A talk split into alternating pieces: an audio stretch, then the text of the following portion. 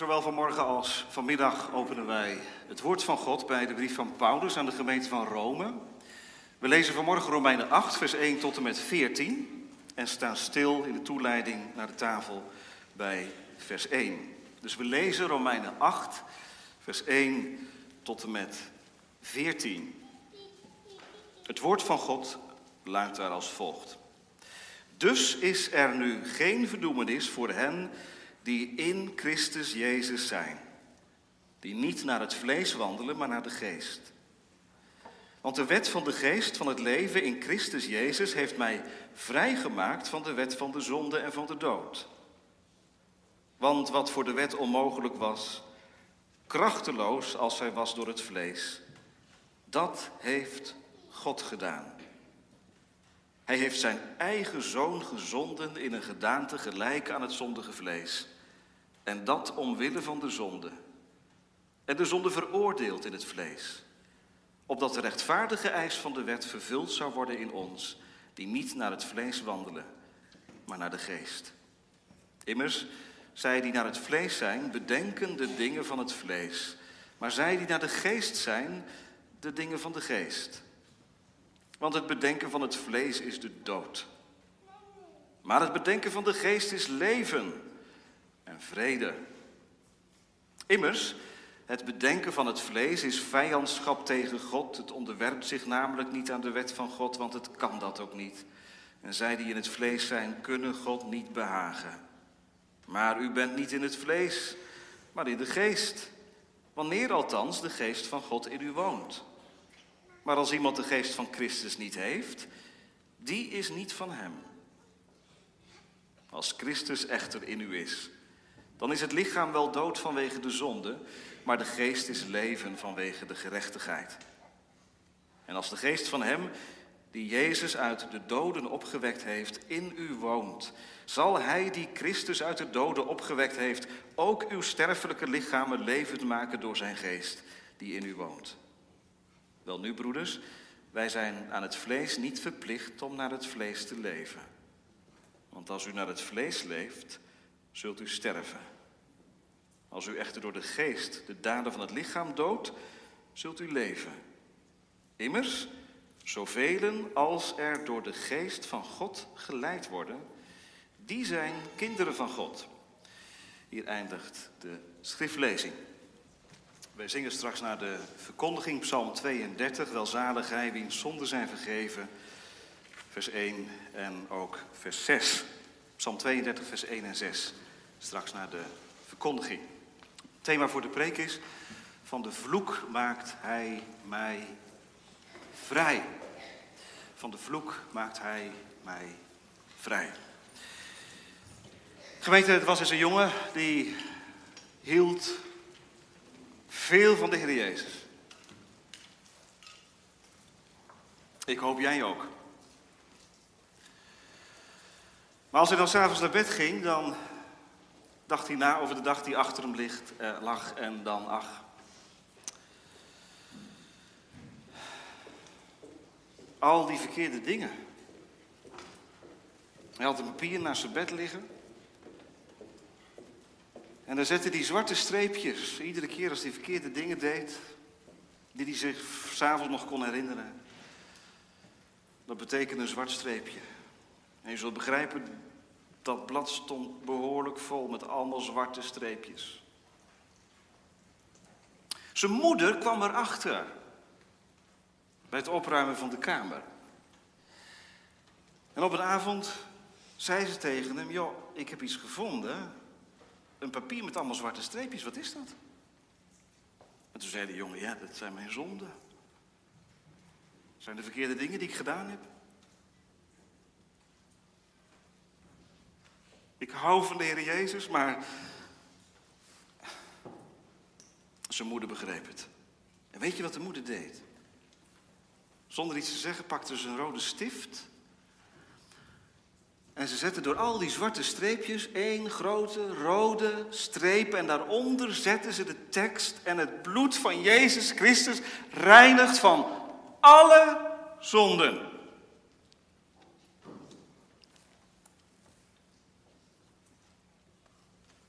Jongetje zei, zolang ik nog streepjes zet, durf ik niet te geloven dat ik een kind van God ben. Maar zijn moeder zette eronder, het bloed van Jezus Christus reinigt van alle zonden. En hij werd zo blij. Is het echt waar? Ja, dat is echt waar. Dat is waar. Geloof je dat? Ja, ik geloof het. Al die zwarte strepen, bedolven onder het bloed van Jezus Christus. Ben je gelukkig, joh? Je de gelukkigste mens van de aarde? Kun je straks meezingen? Welzalig hij, wiens zonden zijn vergeven, die van de straf voor eeuwig is ontheven. Paulus zegt het zo, er is geen verdoemenis voor degenen die in Christus Jezus zijn. Wat een verkondiging, gemeente. Hoe komt Paulus ertoe om dit nu, hier, ter sprake te brengen? Wel, dat heeft te maken met het vorige hoofdstuk, Romeinen 7, waar hij woorden heeft gegeven aan de innerlijke strijd van een christen. De geestelijke strijd tussen oud en nieuw, vlees en geest.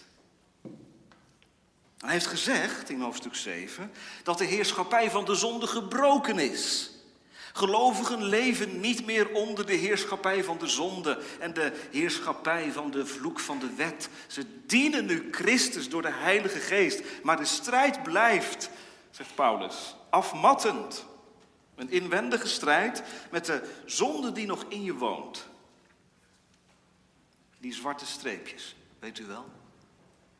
Die je deze week symbolisch gezet hebt. In deze week van voorbereiding. Die zwarte streepjes, weet je wel? Die iedere avond naar je toe komen. Ik zie mijn zonden mij steeds voor ogen zweven, zei David een keer. Ja, dat krijg je ervan, zegt iemand, als je in de week van voorbereiding bij jezelf je zonden en je vervloeking overdenkt, zoals het avondmaalsformulier ons vorige week daartoe opriep. Ja, dat krijg je ervan. Dat is nodig. Want weet u, daardoor ontdek ik steeds weer en steeds meer wat mijn conditie is. Als je naar jezelf kijkt, ja, dan ben je op zijn best saved sinner, verloste zondaar. Paulus laat het daar niet bij. Hij zegt niet, nou ja, weet je, het is uiteindelijk ook een, het blijft een strijd en ja, hij gaat verder. Dus, wat doet Paulus? Nadat hij de conditie van een christen onder woorden heeft gebracht, gaat hij terug naar de positie van een christen. Romeinen 8, vers 1 wijst ons op onze positie in Christus.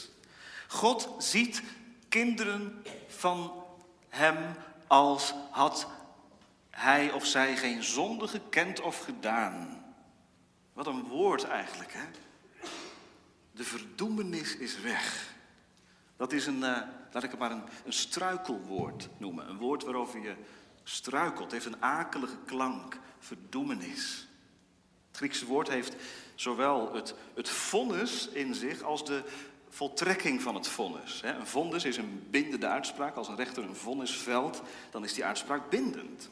En er kan een tijd zitten tussen eh, het zeggen, het uitspreken van het vonnis en het voltrekken van het vonnis.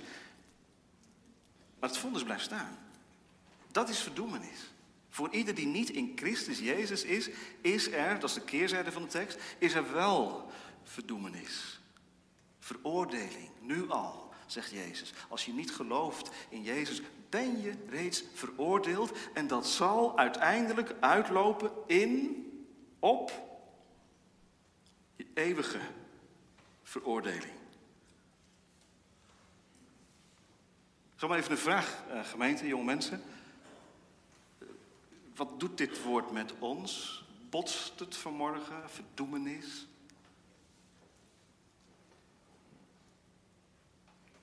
Levert het nog iets van een innerlijk conflict op als je zo'n woord leest in de Bijbel? Of, of zwak je het af? Of zeg je van ja, dat hoort er gewoon bij?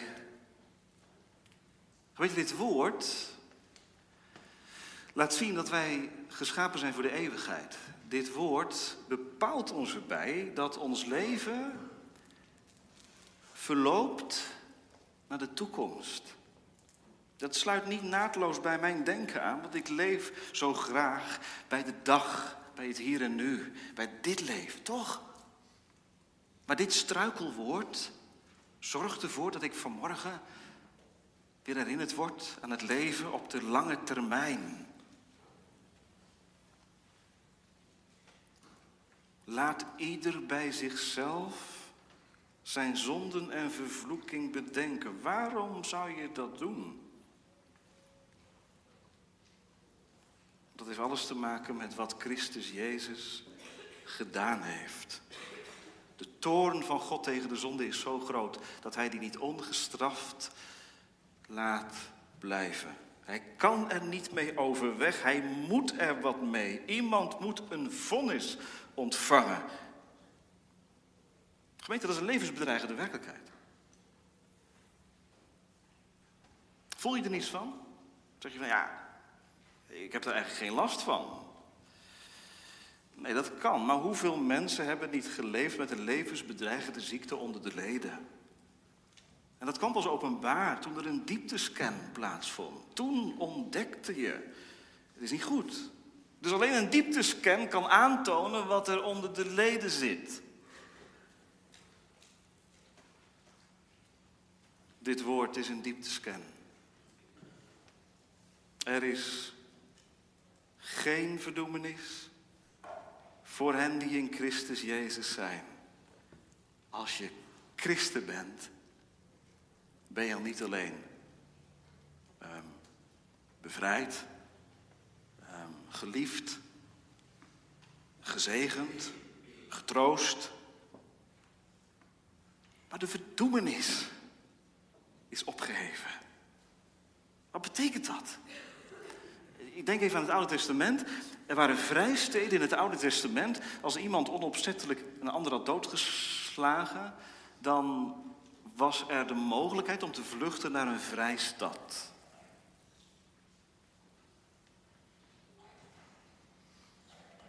Met de dood op de hielen, met de wet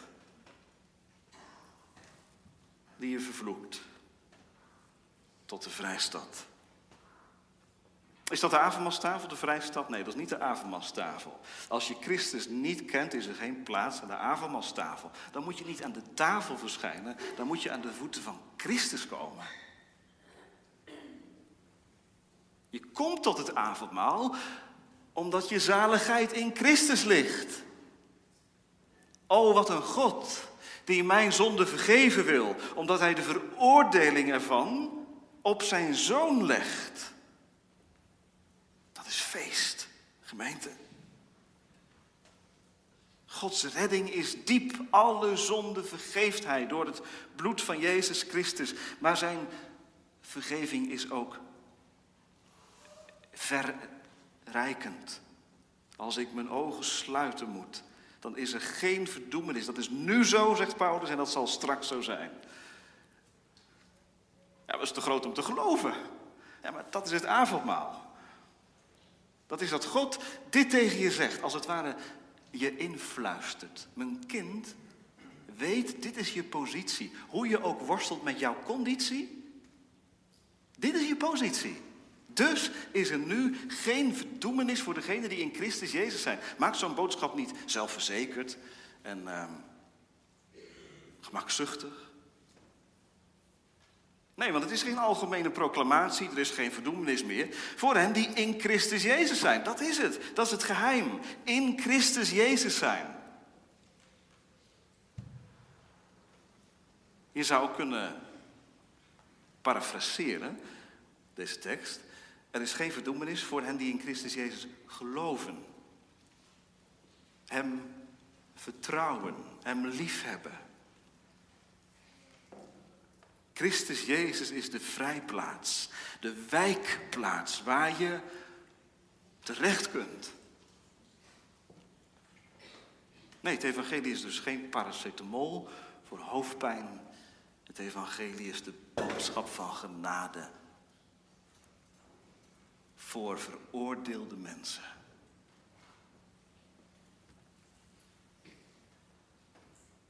Zo is er dan nu geen verdoemenis.